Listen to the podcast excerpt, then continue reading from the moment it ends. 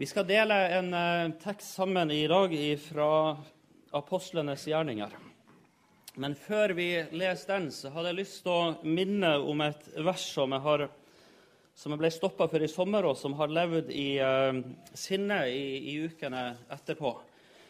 Bare en helt kort setning fra 1. Peter kapittel 3.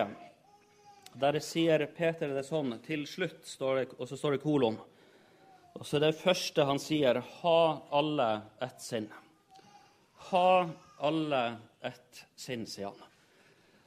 Midt i ei tid som preges av masse uro, masse forskjellige måter å tenke på og, og gjøre ting på, kanskje, så er det et ord inn til den kristne menighet. Ha alle ett sinn. Og så tenkte jeg med en gang jeg hørte det for første gang igjen Går det virkelig an? Går det an? Så legger man merke til at Bibelen bruker det samme uttrykket mange plasser i Det nye testamentet. Å ha det samme sinn, ha den samme tanken, ha den samme talen, osv. Det ble sagt i sommer at det som står på grunnteksten, der det står 'ha alle ett sinn', eller det samme sinn, der brukes et ord som eh, betyr det å være retta imot det samme.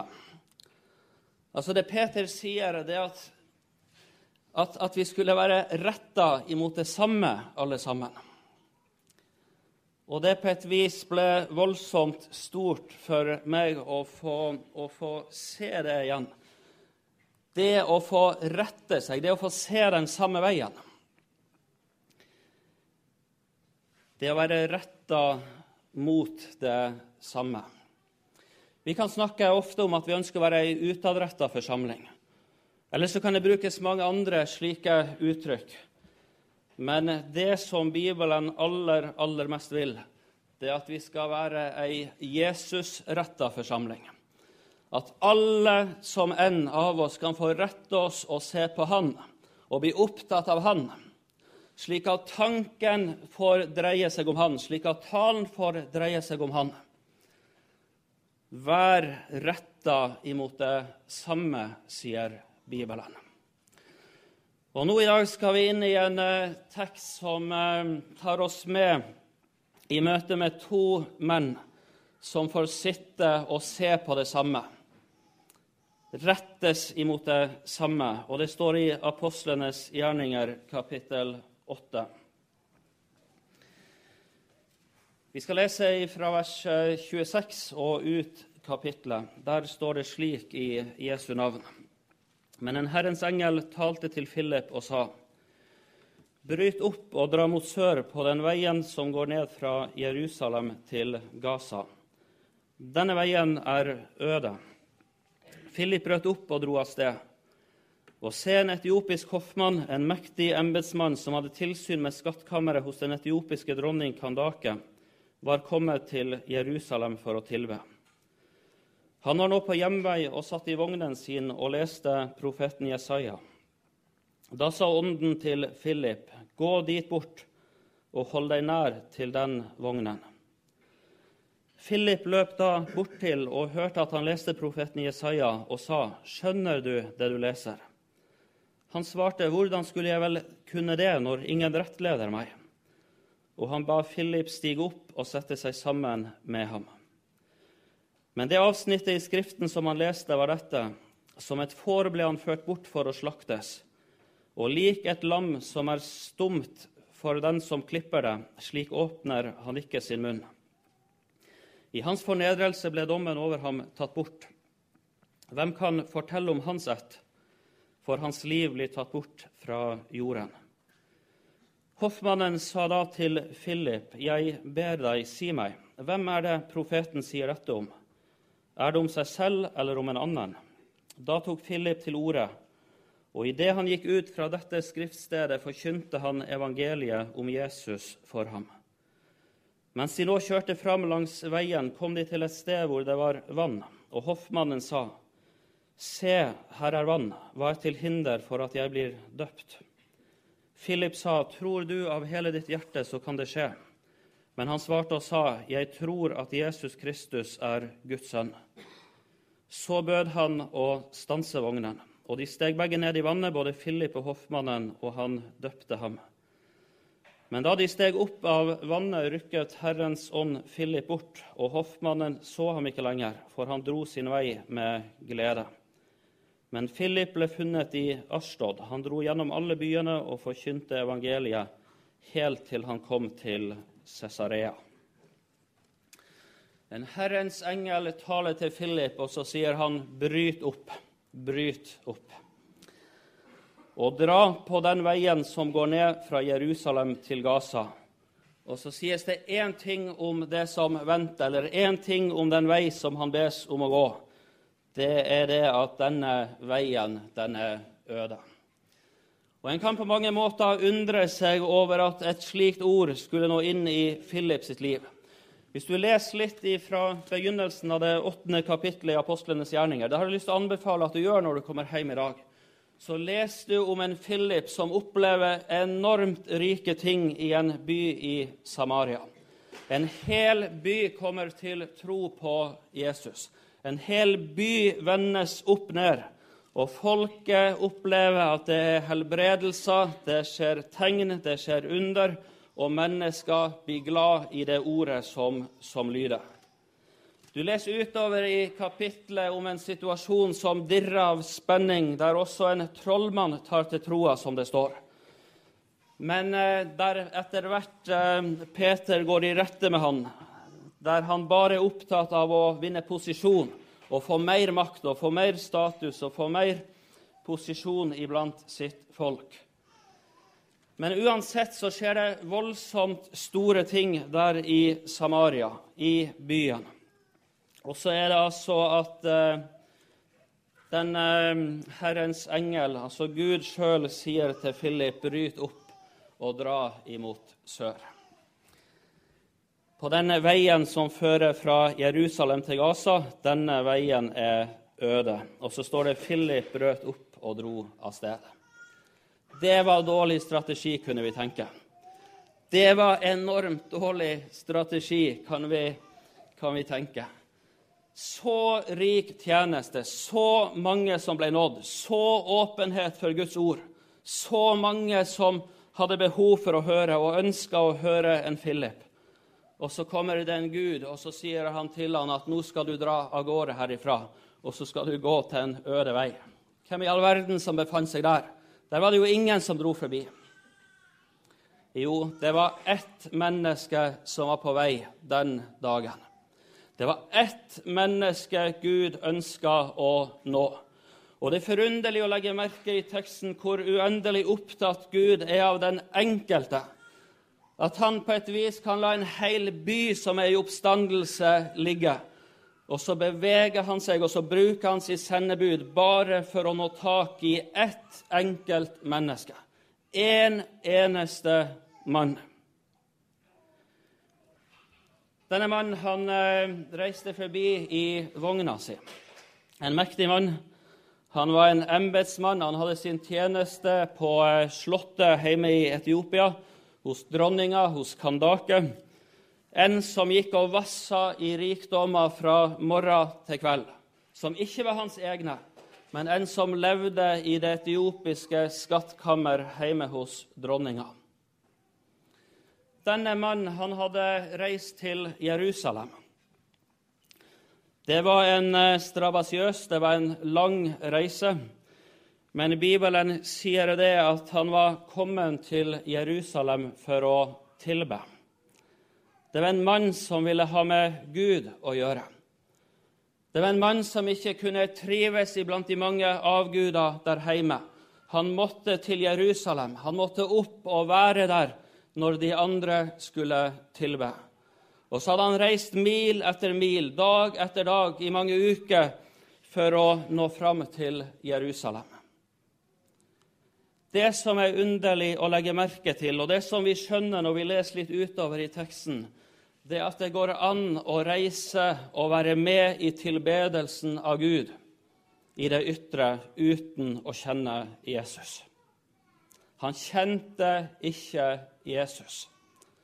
Han var der i det ytre. Han gjorde masse umak for å komme seg dit, men han kjente ikke Jesus. Det visste Gud. Og så var Gud så opptatt av at denne mannen måtte bli kjent med Jesus, bli glad i Jesus, at han kaller på Philip, som sto i en så rik tjeneste, bare for å bevege seg dit der hvor denne mannen var på, på reise. Og så er det altså at Philip kommer, og så ser han vogna som går forbi. Han hører at det leses fra den vogna. De sier det at det var tradisjon når det ble lest for seg sjøl, så, så, leste man høyt. Jeg vet ikke hva du gjør, men de leste høyt, blir det sagt. Og så hører, yes, så hører Philip det, at uh, denne hoffmann, han leser. Han leser ifra Bibelen. Han leser ifra Bibelen. Og så er det en Gud som på forunderlig vis sier det til han Philip, at nå skal du trå nærmere. Nå skal du stige enda nærmere vogna. Nå skal du komme enda nærmere denne, denne mannen. Han kunne på et vis ha tenkt seg at det var en Philip som så mannen var forbi, skjønte det at han leste sin bibel, han var på vei hjem fra, festen i Jerusalem etter å ha tilbedt der. Han kunne hatt sitt, eh, sin takkestund alene, Philip, og så kunne han ha reist hjem så inderlig glad for at det var en mann som leste i sin bibel. Men det var en Gud som sa til Philip du må trå nærmere. Du må komme enda nærmere denne mannen. Og Så gjør Philip det, og så oppdager han det, eller så hører han det, at, at han leser fra profeten Jesaja. Han leser fra Jesaja, denne etiopiske hoffmannen. Kanskje var ikke det tilfeldig.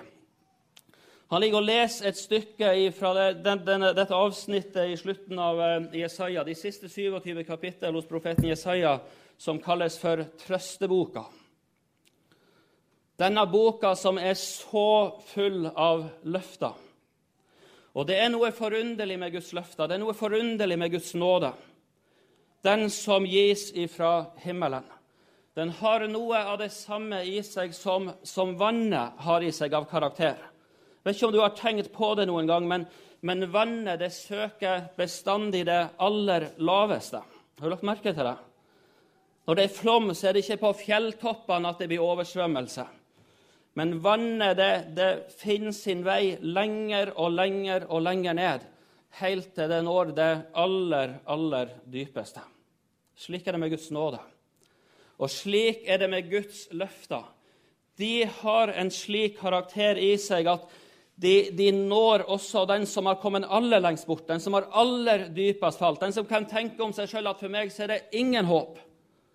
Guds løfter er av en slik art at hvert eneste løfte gjelder den som aller minst makter å tro at det er for meg. Og kanskje er det noe av dette som lever i innsida på denne mann sitt liv. Vel hadde han posisjon i det ytre, vel var han velstående og hadde en god tjeneste der i dronninga si, sitt slott i Etiopia. Men Bibelen lærer oss det at han var en evnuk, eller en, eh, altså en som, eh, som, var kastrert. Eh, og Bibelen sier det i loven, det var vel kjent i Israel det, at en evnuk han skulle ikke ha noe del i Herrens menighet. Han var stengt ute fra Herrens menighet. Det finnes ett løfte i trøsteboka som åpner døra på vidt gap også for en slik mann, for en evnukk. Det finnes et løfte i Jesaja kapittel 56 som sier noe om hva Gud vil gjøre innafor, inne i forsamlinga, også for den som er i ei slik stilling.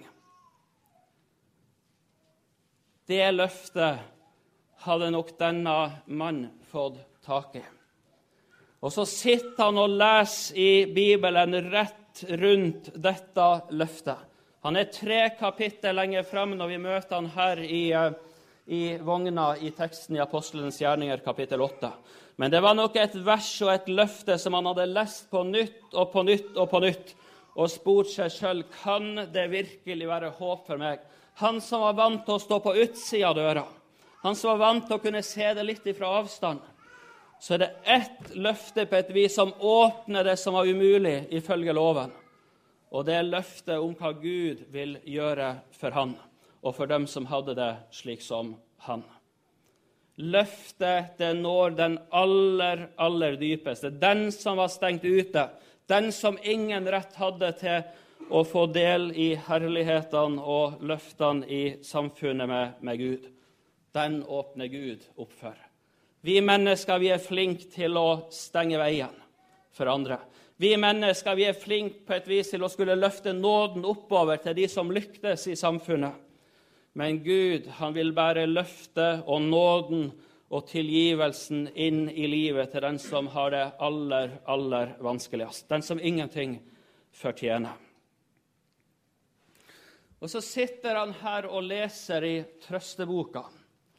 Det er en forunderlig bok. Den begynner i kapittel 40 i Jesaja. Den begynner på denne måten Trøst, trøst mitt folk. Litt ute i boka i det eh, Jeg skal slå det opp, så får, du, så får du verset. Tidlig i trøsteboka så sies det på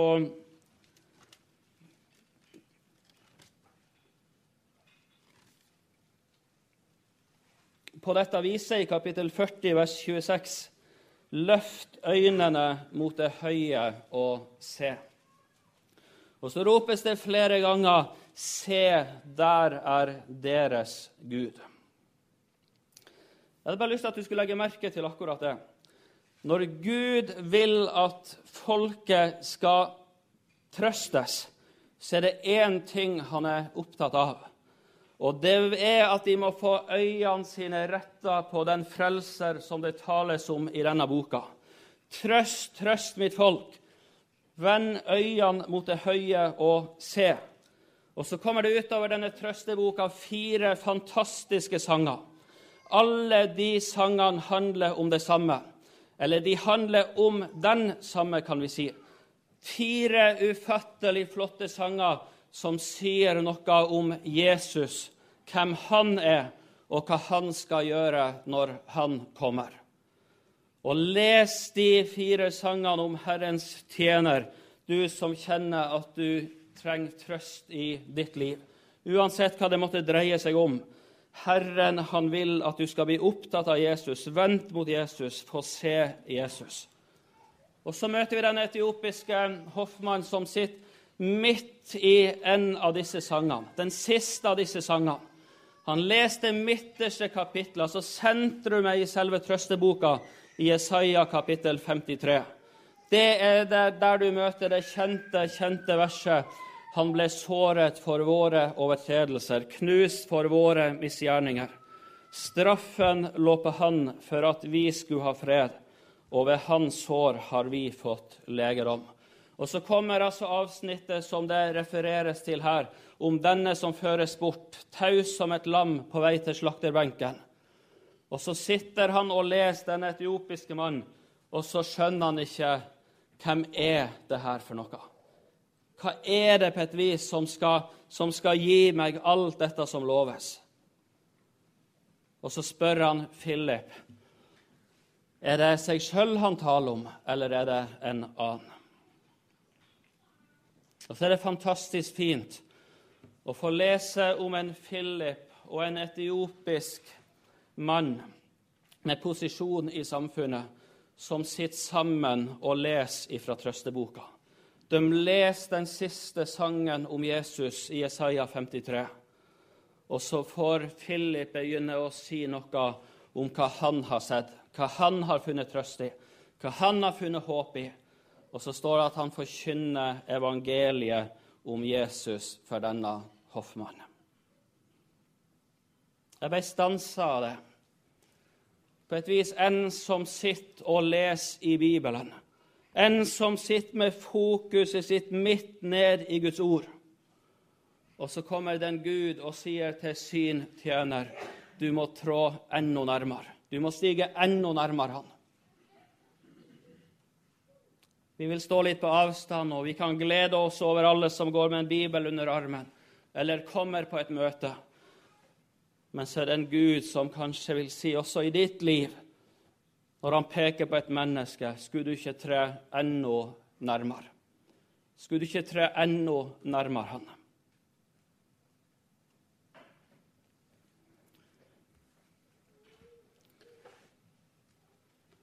Det er fantastisk å lese om hvordan denne etiopiske mann kommer til tro gjennom det som han hører.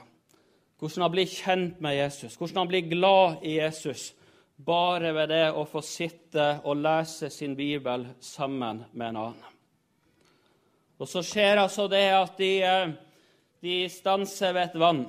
Han spør er det noe til hinder for at det kan bli døpt. Og så møter han spørsmålet tror du på Jesus. Ja, sier han, jeg tror. Og så stiger både Philip og den etiopiske mannen ned i vannet, og så døpes han, og så stiger det opp ifra vannet. Og så får han alt det som dåpen gir. Det skal ikke jeg bruke tid på nå, men han kommer opp ifra vannet, født på nytt, med et nytt liv med en ny rettferdighet som han har fått av Gud, ikledd Kristus, slik som Bibelen sier det at alle ble vi ikledd Kristus når vi ble døpt til hans død. Han ble begrava med Kristus, han ble oppreist med Kristus i dåpen. Han får alt det som Bibelen lover, igjennom det at han kommer til tro og blir døpt. Han som hadde stått på utsida så lenge, som hadde levd så mange år på avstand, samtidig som han bar på en lengsel, opplevde at skattene i Etiopia det kunne aldri tilfredsstille hans hjerte. Og så får han møte Jesus i Skriften, og så får han møte den samme Jesus i dåpen. Og så er han frelst, og så er han tilgitt. Og så skal du legge merke til hva som står. Han reiste glad tilbake, står det. Han reiste glad tilbake. Han reiste med et hjerte som bobla av fryd og takknemlighet. Det står ikke det at han reiste glad tilbake når han sitter i vogna der på vei tilbake etter festen etter å ha vært og tilbedt i Jerusalem. Det skulle man kanskje tro. Der var det liv, der var det stemning, der var det mye å oppleve, der var det masse flotte opplevelser. Der hadde han vært inne. Men så sitter en mann allikevel med en gnagende uro inni seg og veit at dette har ikke jeg del i. Og så kunne han ha reist år etter år i det ytre for å tilbe, men det hadde aldri makta å hjelpe han. Men så får han bli kjent med Jesus. Og så får han se Jesus i Skriften. Så får han se Jesus er den det tales om. Så får han se at Jesus er den som bar straffa hans. Så får han se at Jesus er den som åpna himmelen for han. Og så får han se at Jesus er på et vis den som alle sine løfter har sitt ja og amen i. Ikke hva han sjøl gjør, får til, ikke får til. Men alle Guds løfter får et ja, altså sin oppfyllelse, fordi at Jesus gjorde det som ingen av oss makta. Og så ble det håp for meg. Og så nåde løftet også inn i mitt liv, inn i ditt liv. Tror du på Jesus? spurte Philip. Ja, sier han. Og så blir han døpt, og så reiser han full av glede hjem igjen.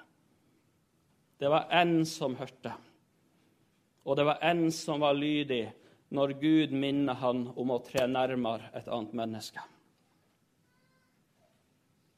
Skal du gjøre det?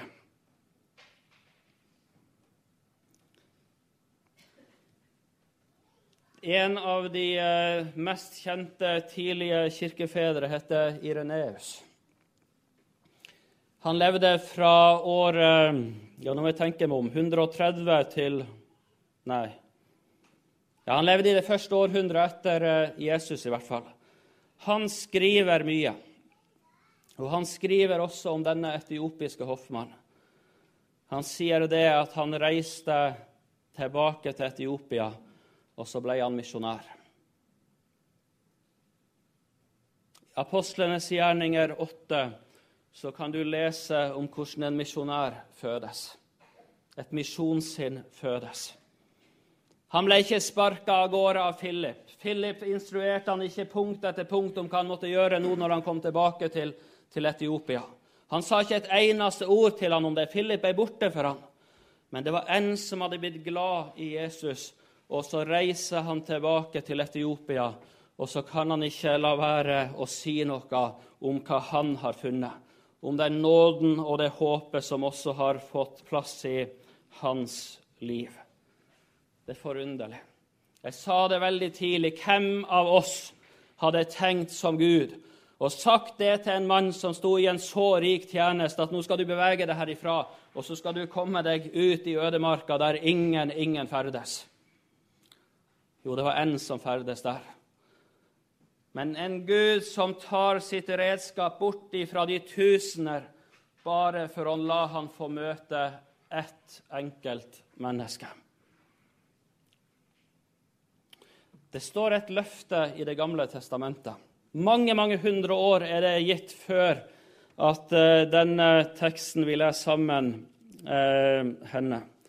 Og Det er henta fra Salme 68, der hvor det står om at Etiopia i hast skal rekke sine hender imot Herren, står det. Når du leser ellers i Bibelen om Etiopia, så leser du om ugudelighet. Du leser om motstand, du leser om avguder. Men det står et løfte i Bibelen om et folk, et land, som i hast skal rekke sine hender imot himmelen, altså imot Gud. Jeg vet ikke om du kjenner litt til forholdene i Etiopia i dag. Vi lever i et land som eh, kanskje opplever trangere og trangere kår for den kristne tro. Det er kanskje ingen kirke i verden som har hatt en slik vekst de siste år som er Kane Jesu-kirka i Etiopia. Samler millioner av mennesker. De har gudstjenester mange plasser fire ganger om dagen. Og det sies det at det er mye mer folk på utsida av kirkedøra enn på innsida av kirkedøra. Det er ikke plass til alle på innsida. Det er et folk som rekker sine hender imot himmelen der avgudene før hadde sin plass. Der trellekår og redsel og frykt for død og evighet og onde åndsmakter råda grunn. Der møter du et folk som strømmer til i hopetall med ønske om å bli kjent med Jesus. Hvordan begynte det? Det begynte i apostlenes gjerninger, kapittel 8, med en Gud som sa det til Philip, du må trå enda nærmere Han. Du må komme deg enda nærmere Han. Og så fikk de to sitte og se sammen på Jesus, snakke om Jesus, samtale om han. Og så var det et hjerte som ble satt i brann. Og så reiser han hjem til Etiopia, og så lever han livet sitt på en helt ny måte. Du møter det samme i Lukas når Jesus kommer i møte med disse to bedrøvede Emmaus-vandrerne. Begge er på vei bort fra et tomt kors og ei åpen grav. Og Så kommer Jesus, og så tar han dem med inn i Skriften. Åpner Bibelen for dem. Fortell om det som står skrevet der om Jesus. Og så er det to hjerter som settes i brann. Og så må de tilbake og fortelle de andre om det. Vi blir ikke utadretta av å rette blikket vårt utover, eller å se på all nød og behov som finnes rundt oss. Vi blir kun utadretta om vi blir Jesusretta og får se på Han. For da ser vi også en som er opptatt av den som lider ondt, den som har det vanskelig, den som sitter ensom, den som sitter syk, den som er i fengsel, den som ingen andre får nå. Og så er det en Gud midt i det møtet som kaller på sitt folk, og så ber han skulle ikke du tre nærmere. Bare en eh, liten historie helt til slutt. Vi var i eh, Danmark i sommer. Og Jeg var innom eh, første gang i en liten by som heter Kristiansfelt der nede. Eh, jeg var på et kurs, og så var det en utflukt dit. Jeg vet ikke om du drar kjensel på navnet, men det er en liten by der hvor en menighet som kalles for Brødremenigheten, har på et vis bygd opp et, et, et, et senter i byen. Masse gule hus, masse bygninger som er reist. Og fortsatt en liten menighet som samles der. Der var vi på omvisning. Og For mange så var det kanskje en litt sånn spesiell opplevelse. Her var det utrolig enkle forhold. Her var det bare gamle sanger som ble sunget. Her var det slikt og slik, og mange kunne riste litt på hodet kanskje og tenke ja, ja, det her var vel små greier. Det her var da ikke mye å, å, å se på. Og så eh, skjer det når vi er på vei ifra bussen, eller på vei tilbake i bussen, at det er en som tar mikrofonen, og så sier han det at 'jeg hadde bare lyst til å, å fortelle dere noe'. Og Så forteller han om sin tid, om sine år i, eh, i Tanzania som misjonær. Og så forteller han om sitt møte med denne brødremenigheten der ute. Og så forteller han om ei kirke der som samler mellom 600 og 700 000 mennesker. Det som er så smått at vi kan riste på hodet av men noen få som er satt i brann for at andre må få høre om Jesus, for at evangeliet må ut. Hva det makter å utrette ved Guds nåde, det er ufattelig stort. Hva ett møte her i apostlenes gjerninger kunne få bety for et helt land nede i Etiopia. Og Så leser jeg helt til slutt den samme teksten som vi begynte med, eller det første verset som jeg leste ha alle det samme sinnet. Ha alle ett sinn. Vær retta imot Jesus, du, i ditt liv.